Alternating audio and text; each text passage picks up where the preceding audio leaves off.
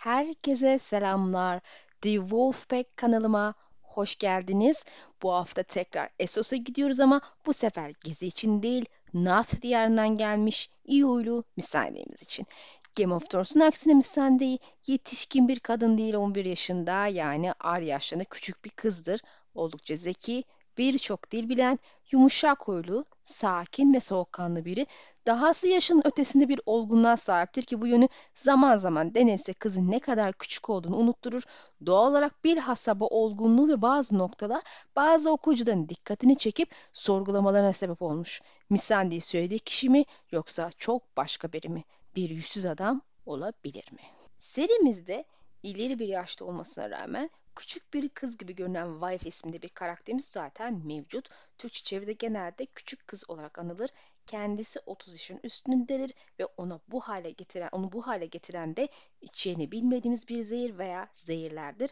Yüzsüz adamlar tarihinde çok az da olsa ki kadın hizmetkarlar vardır. Ama küçük kız görünüşe göre bir suikastçıdan ziyade sadece zehirlerle ilgilenen biridir ki tapınak dışına çıktığında da daha hiç görmedik. Yani bir kişi illaki suikastçı olmak zorunda değil, çok başka şeylerle de çok yüzlü hizmet edebiliyorlar. Ama bence gerektiğinde onlar da öldürmekten çekinmeyecek insanlardır. En azından nasıl yapılacağını bilir.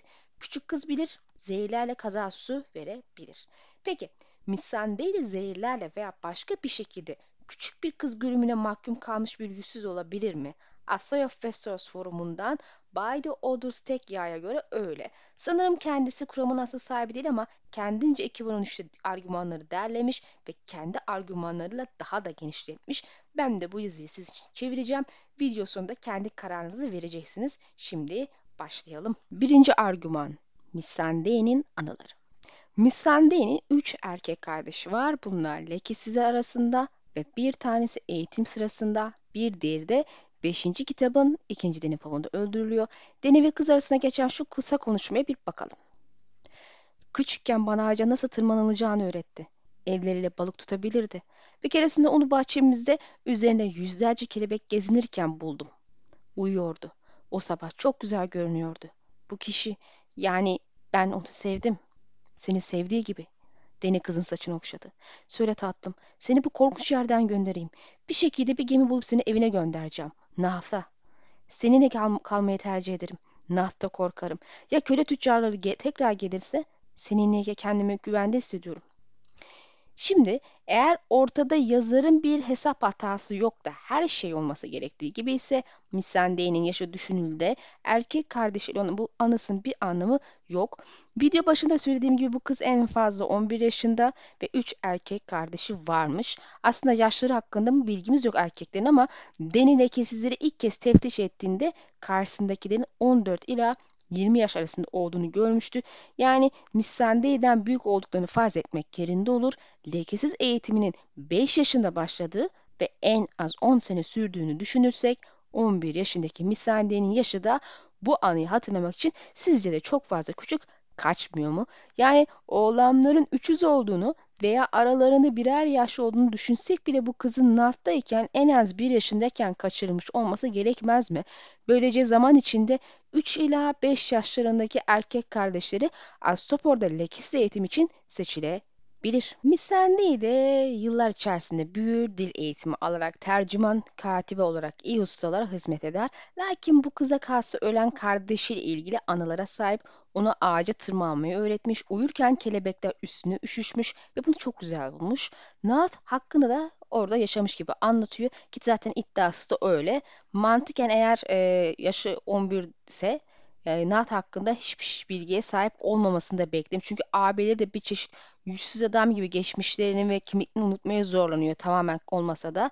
Yani orada çok bir anısı olmaması lazım. Bunu abilerine öğrenmesi lazım. Abileri de bunu ona öğretecek vakti bulamamış olması lazım. Hani kızın ve erkeklerin eğitim yerlerinde farklı olduğu farz edilir ise ve eğitimin özelliği oturup kıza bir de Nat hakkında hikayeler mi anlatmışlar yani. Gerçekten ciddi şüphelerim var bu konuda. Özetle Missandei yaşı konusunda tamamen yalan söylüyor yahut anıları konusunda. Belki de söylediği her şey yalan.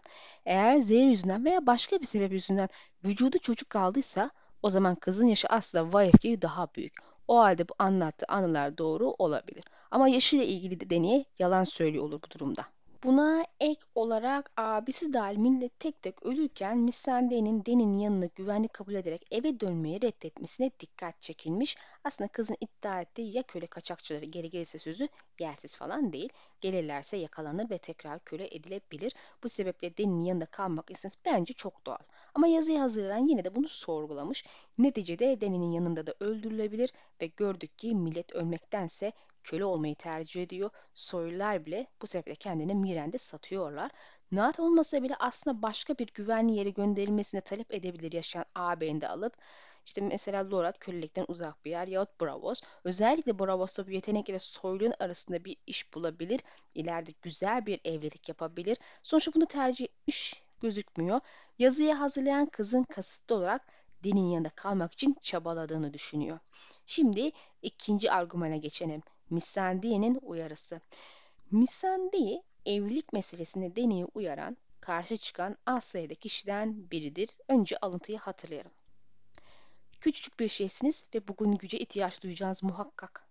Ufacık tefecik bir kızdan gelen bu sözler Deni'yi güldürdü. Deni bu küçük katibe o kadar güveniyordu ki onun yalnızca 11 yaşında olduğunu sık sık unutuyordu. Terasta birlikte kahvaltı ettiler. Deni bir zeytini kemirirken naatlı kız erimiş altına benzeyen gözleriyle Deni'ye uzunca baktı ve onlara evlenmekten vazgeçtiğini söylemek için geç değil dedi. Geç diye düşündü kraliçe kederle. Hizdar'ın kanı kadim ve soylu. Bu birleşme benim azatlı külelerimi onun insanlarıyla birleştirecek. Biz bir bütün olduğumuzda şehir de bütün olacak. Majesteri soylu Hizdar'ı sevmiyor. Bu kulunuz sizin başka bir adamla evlenmeyi tercih edeceğinizi düşünüyor.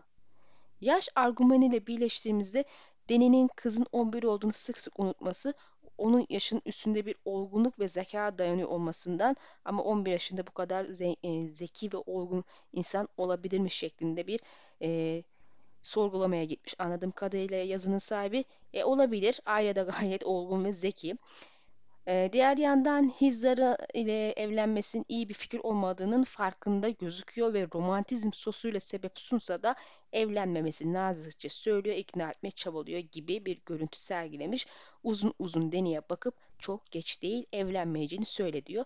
Yazının sahibi kızın bu evliliğin bir tuzak olduğunu bildiğini düşünüyor. Bu sebeple Deni'yi uyarmaya çalışıyor ama çok fazla üstüne gitmedi de olayın. Gerçi istese bile bunu yapamaz. Neden ve nasıllar havalarda uçuşur ve kız gerçekten gizli kimlikte ortada dolanan biri ise kimliği de açığa çıkar. Deni kıza şu an aşırı derecede güveniyor ve ondan hiçbir yanlış beklemiyor. Aslında sırf şu kısım bile Deni'nin bu kızdan kazık yiyip yemeyeceğini sorgulamama sebep oluyor. Belki üç şahitten biri ondan geliyordur. Üçüncü argümana geçiyoruz. Sessiz adımlar. Baristan Selmy bir kral muhafızın her daim tetikte olması gerektiğini söyler. Neticede kralı korurken saldırının nereden ve kimden geleceğini bilemezsiniz. Bu yüzden bu insanlar kendilerini tehlikenin saldırının her yerden gelebileceği düşüncesiyle hazırda tutmak zorundadır. Kısacası mantıken bir kral muhafızına sessizce yaklaşıp onu gafil avlamak düşünülemez. Hadi Selmy'nin düşüncelerinden duyalım. Ancak bir kral muhafızı şövalyesi için savaş asla tam anlamıyla bitmiş sayılmazdı. Tehditler her yerden ve hiçbir yerden, günün ya da gecenin herhangi bir saatinden gelirdi. Trompetler düşmanı duyurmazdı. Vasallar, hizmetkarlar, arkadaşlar, kardeşler, oğullar hatta eşler her birinin pelerinin altına bıçakları ve kalplerine gizlenmiş cinayetler olabilirdi. Bir kral muhafızı şövalyesi savaştığı her saat için 10 bin saatini izleyerek, bekleyerek, gölgelerin arasında sessizce durarak geçirirdi. Şimdi siz söyleyin, Sizce kral muhafızlarına özellikle de Selmi gibi deneyimli, görmüş geçirmiş olanına sessizce yaklaşabilir misiniz? Siz hemen fark eder ama Misenli'yi fark edemiyor. Eve uçuyor olabilir dedi kendi kendine yüksek sesle. Hayır diye mırıldandı arkasından yumuşak bir ses. Bunu yapmaz Sir. Biz olmadan eve gitmez. Sir Barris'ten döndü. Misende'yi, çocuk. Ne zamandır orada dikiliyorsun? Siz iyi biliyorsunuz ki sessiz ve sessiz, sessiz adımlar Sessizlik, yüzsüz adamların çok iyi olduğu bir şeydir. Hatta çok iyi de duyarlar. 4. Bilgi mi topluyor? Açıkçası bu argüman bana çok güçlü görünmedi. Herhangi bir şey olabilir. Ama yine de eklemek istedim. Daenerys'in 6. povunda hastalanan astoporlarla ilgilenmekten döndüğünde kızı eski parşömenleri okurken buluyor. Ama okuduğu şeyin ne olduğunu ve de neden okuduğunu bilmiyoruz ve Dany de sormuyor zaten. Bunu bir kere de yapmıyor. Bir kere daha iki kere falan yapıyor en az. Selmin'in pavuğunu da şövalye kızı parşömen ve kitapları okurken buluyor. Yani o dönem Deni zaten kayıpken ve yaşayıp yaşamadığı da muamma iken kızın kitap ve parşömen okuma arzusu nedendir? Ne var yani bunların içinde? E, muhtemelen birçok bilgi vardır. Tarihsel bilgiler, kadim bilgiler. E, yüzsüzlerin bilgi toplamaya alışkın olduğunu biliyoruz ve bu kız da yüzsüzlerdense belki de her çeşit bilgi edinmeye çalışıyordur. Yahut kız kendini geliştirmeyi sevdiği için ne buluyorsa okuyordur. Böylece kraliçesine iyi hizmet edeceğine inanıyordur. Valla bu daha e, makul gibi geldi. Beşinci argüman. Duyulmayanı duymak. Çok eski videolarımda bahsetmiştim aslında. Bu kız garip bir şekilde duyulmayan şeyleri duyuyor gibi. Geçen gece astroporların duvarları tırmaladığını duydum dedi küçük katibe. İri ve Cuku'ya bakışlar. Kimse duvarları tırmalamıyordu dedi Cuku'yu. Tırmalamak. Nasıl tırmalayabilirler? Elleriyle dedi Misande'yi. Kiremitler eski. Ufalanıyorlar. Astaporlar duvarları delerek şehre girmeye çalışıyorlar. Bunu yapmaları çok uzun yıllar alır dedi iri. Duvarlar çok kalın. Bu bilinir. Bilinir diye onayladı Cuku'yu. Ben de onların rüyasını gördüm. Deni Misande'nin eline tuttu. Kam şehirden yarım mil uzakta tattım. Kimse duvarları tırmalamıyordu. Majesteleri en iyisini bilir dedi Misande'ye. Zaman zaman Deni'ye çığlık attığını veya ağladığını duyduğunda söylüyor. Yani kızın kulakları bayağı bir keskin. Söylediğim gibi yüzsüzler iyi duyarlar. Arya sessizce Jacken'e yaklaşmak istediğinde adam onu duymuştu. Ayrıca, ayrıca yüzsüzlerin evinde sırların olmadığını söylemişti çünkü bir şekilde duyuyor, öğreniyorlardı. Arya'nın her sabah ettiği duasını bile duymuşlardı. Tamam insanüstü bir duyma yeteneğinden bahsetmiyoruz burada çünkü onların hepsi zaten insan ama keskin kulakları var. Bu kız da bir şeyler duyuyor gibi. Yine de bu alıntının duyma yetisinden daha öte başka bir şey olabilir mi diye düşünüyorum. Yani düşmanların gelişini mi haber ediyor? Kızın söylediği gibi duvarlar eski ufalanıyor. Yani kazıyarak bir süre sonra duvarda delik açıp içeri girebilirsiniz. Ya şehri düşürmek isteyenler orduları içeri sokmak için duvarları kazıyorsa ve bunu hatta belki içeriden yapıyorlardı yani içerideki Miremler ve Misane'de bunun bir bunun bir şekilde farkına vararak e, Deni'yi Astoporlar içeri girmek için tırmalıyor duvara diyerek uyarmaya çalışıyorsa kız şizofren değil ise Martin bu kıza ortada olmayan sesleri duyduğuna dair bir bilgi yazmamış olmasa gerek. Yani e, bu duvara tırmalama işi ileride patlak verecek bu olayın işareti olabilir. Yazıyı hazırlayan hastalardan bazen ölüm hediyesini vermek için gidip geldiğini bu sırada gerçekten bu insanların duvarları tırmaladığını geçmeye çalıştığını gördüğünü düşünüyor. Bu hastalığın ileride sorun olacağını düşünüyor yani. Bir ihtimal salgının ikinci dalgası patlak verebilir ama bunun dışında ben bu insanları pek bir tehlike olarak görmüyorum. Eğer Misande'nin kulaklığının keskinliğinden şüpheniz varsa yine 6. Denipov'da buna dair güzel bir örnek var. Dario'nun duyurusu bir hengameye sebep oldu. Reznak acı acı inliyordu. Kel kafa humurdanıyordu. Kan süvariler intikam yemin ediyordu. Güçlü Belfast yumruğunu yara iziyle dolu karnına vurarak Esmer Bel'in kalbini erik ve soğanla birlikte yiyeceğini söyledi. Lütfen dedim Deni ama onu sadece Misande'yi duydu. Altıncı argüman Valar Morgulus. Dikkat çeken bir diğer şey ise Valar Morgulus cümlesi. Bu doğuda bilinmeyen bir deyim değil. Aksine muhtemelen birçok insan duymuştur. Prens Oberyn e, Essos'ta dolandığı için bu deyimi biliyor ve bir kere söylemişti. Bunun dışında bu deyimi ilk olarak kralların çarpışmasında Jaqen'ın ağzından duyduk ve ondan sonra da hep Arya'dan ve yüzsüzlerden duyduk. Dediğim gibi bir de Oberyn kullandı. Valyria da bu sözün söylediğinden bahsediyordu yanlış hatırlamıyorsam. Bu ikisi dışında sadece Missandei, Deni ile ilk tanıştığında Astopor'da bu deyimi kullandı. Yüzsüzlerin tekelinde bir deyim olduğu için yazıyı hazırlayan kişi bunun Missandei'nin yüzsüz olduğuna dair bir işaret olduğunu düşünüyor. Tabii ki ben daha kafadan Oberyn'i kullandı dediğim için argümanı çürütmüş oldum. Kız birden fazla kez tekrar etmiş olsaydı o zaman dikkate değer bir argüman olabilirdi. Yedinci argüman. Ölüm dirayeti ve üstadlık. Kafadan alıntıyı vereyim, hızlıca yoruma geçelim. Missandei yatağın yanında oturuyordu. Küçük katibe gece gündüz prensin yanında kalmıştı. Prensin dile getirebildiği ihtiyaçlarıyla ilgilenmişti. Ona su ve haşhaş sütü getirmişti. Prensin ağzından çıkan işkence görmüş kelimeleri dinlemişti. Ona kitap okumuştu. Prensin yanındaki sandalyede uyuyakalmıştı. Sir Baristan kraliçenin kadet taşıyıcılarından Missandei'ye yardım etmeni istemişti ama yanık adamın görüntüsü en cesur çocuklar için bile çok fazlaydı ve mavi fazetler gelmemişti. Baris'in onlara dört kez haber göndermiş olmasına rağmen. Belki de şimdiye kadar son faziletle beyaz kısrağı bilmişti. Barisi'nin geldiğini fark eden Naat küçük katibe başını kaldırdı. Prens artık acı çekmiyor. Doğunu tanrılar onu evine götürdü. Gördünüz mü? Gülümsüyor. Nereden biliyorsun? Dudakları yok. İddiaya göre Missandei bir anda üstad gibi hasta biriyle ilgilenmeye başlamış ve bunu nasıl yapacağını biliyor. Sanırım tıp bilgisi var gibi görünüyor demeye çalışmış ama bence bu zayıf bir iddia çünkü su ve haşhaş sütü içilmek için temel seviyede dahi olsa tıp bilmenize gerek falan yok yani. Buna rağmen diğer iddialar bence ilginç. Alıntıda fark edeceğiniz üzere diğer herkes prensin görüntüsünden korkup kaçınırken bu kız hiç etkilenmiyor. Sanki ölümlere bilhassa bu tür korkunç ölümlere alışkınmış gibi. Kölelik zor bir hayattır şüphesiz ama kaç kişi böyle korkunç bir görüntüye ve ölümle böyle yüzleşmeye alışıktı diye sorsak muhtemelen çok az kişi öne çıkacaktır. Bilhassa 11 yaşındaki bir kızdan bahsediyoruz unutmayın. Yani yetişkin biri olsa neyse ama öyle de değil. Lakin yüzsüzlerin gece gündüz ölülerle zaman geçirdiğini, onların bedenleriyle ilgilendiğini biliyoruz. Missandei'nin prensin gülümsediğini söyleyerek huzur bulduğuna dikkat çekmesi de başka ilginç bir ayrıntı ve bu bahsettiğimiz ölü bedenlerle ilgilenmeye alışık bir, biri iddiasını güçlendirebilecek bir durum. Alışık olmayan, eğitimsiz gözler için belli olmaz ama sürekli ölülerin bedenleriyle ilgilenen birinin gözleri için yanmış bir cesedin olmayan dudaklarının gülümseyip gülümsemediğini fark etmek imkansız olmasa gerek. 8. argüman dil yeteneği.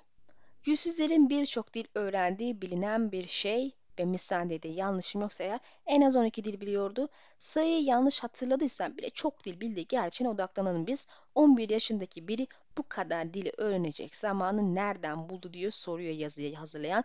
Bir de bu dillerde neredeyse ana dili gibi uzmanlaşmış. Ailede aslında kısa bir sürede birkaç dil öğrenmişti ama bunlar zaten özgür şehrin Valeria'dan bozma dilekçeleri olduğu için birini öğrenince kalanını öğrenmek nispeten kolay olmuş olmalı. Misal Daenerys bile Valeria'dan bozma Astapor lehçesini ilk kez duymasına rağmen rahatça anlıyordu. Lakin özgür şehirlerin dışında kalan dilleri kısa hayatına uzmanlaşarak sığdırması biraz zor gibi sanki. Gerçi şahsen bu işten pek anlamıyorum. Bu konuda dahi olanlar gerçekten de kısa sürede ana dili gibi bu kadar dili öğreniyor olabilir bilmiyorum. Lakin bu kızın seviyesindeki durum normalde bile abartı ise gene burada bu kızın yaşının söylediği gibi olmadığı noktasına gelmiş oluyoruz. Yani çok daha uzun e, yaşamış olmalı ki bu kadar dil konusunda uzmanlaşmış olsun. Ha bu yönden gene birinci maddenin devamı gibi oldu bu. Elbette tüm bunlara ek olarak kuram içinde bazı soru cevabımız da var. Yani örneğin eğer kuramı doğru kabul edersek ilk başta Missandei Deni ile bir araya geleceği yeri ve zamanı nasıl tespit etti de yüzsüzler bu karşılaşmayı tezgahladılar. Gemidekiler bile denizin ortasında Pentos'a giderken Deni'nin fikrini değiştirmesiyle yeni güzergahı öğrendiler. Yani evvelden tertiplenen bir durum da değil. E bu durumda bu karşılaşma çok da olası görülmüyor. Tabi tevafuk eseri denk geldiler ise başka. Yani yüzsüz olarak bir sebeple buraya gönderilir ve yıllar içinde hizmetini yaparken Deniçka gelir, inisiyatif alır ve adamlarına ulaşır durumu haber eder ve Deni'nin peşine yollarlar. E, gerçi e, ustalar Deni'ye hediye etmişti kız ama belki başka şekilde de bu işi halledebilirdi ya da belki o ikna etti falan bilemiyoruz artık. Lakin Astopor'da ne yapıyordu en başta? Görünüşte burada olması için bir sebep yok. Çok da matah bir yer değil. Elbette sürekli kitap ve parşömen okuma argümanından yola çıkarak her yerde buldukları bilgileri okuyup derliyorlar şeklinde bir durumdan bahsedebiliriz belki ama şu aşamada bence bu argüman daha biraz zorlama oluyor. Diğer yandan ejderhalar doğduğundan beri cam mumlar da yanıyor ve kuvvetin bu sayede deniyi takip ettiğini, denizin ortasına dahi olsalar diğerlerinin geldiğine göre Deni'ye onlara güvenme dediğini söylediğini biliyoruz. Hatta kesinlikle bu cam mum sayesinde kızı takip etti. Nereye gittiğini gördü. O yüzden Astopara gitti bu. Cam mumlar Hisar'da bile varsa binlerce yıllık yüzsüzlerde de vardır ve kullanmayı biliyor olmalılar. Zaten büyülü haşır tipler bunlar.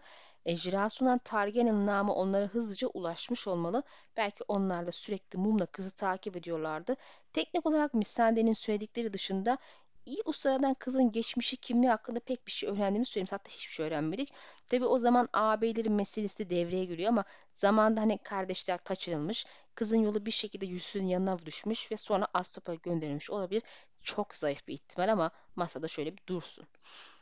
Diğer yandan yüzsüzlerin ejderhası olan bir Targaryen lafını duyunca onu boş bırakmak isteyeceğini pek zannetmiyorum. Hani okuyucular Jaqen'ın bile bu sebeple hislarda olduğuna inanıyor. O halde eğer ki bir bir de ateşin şampiyonu ise deniniz, Deni'nin peşinde dolanmaları, gözlemeleri, gözlemek istemeleri gayet olası geliyor ve bu kişi de Deni'nin şüphe duymadan güvendiği Missandei olabilir. Genel olarak yorumlarsam argümanları çok sağlam olmayan, zayıf bir kuram ama bir iki tane güçlü sayılacak. En azından karakterin kimliğini, varlık amacını sorgulayacak noktada argümanlarımız da yok değil.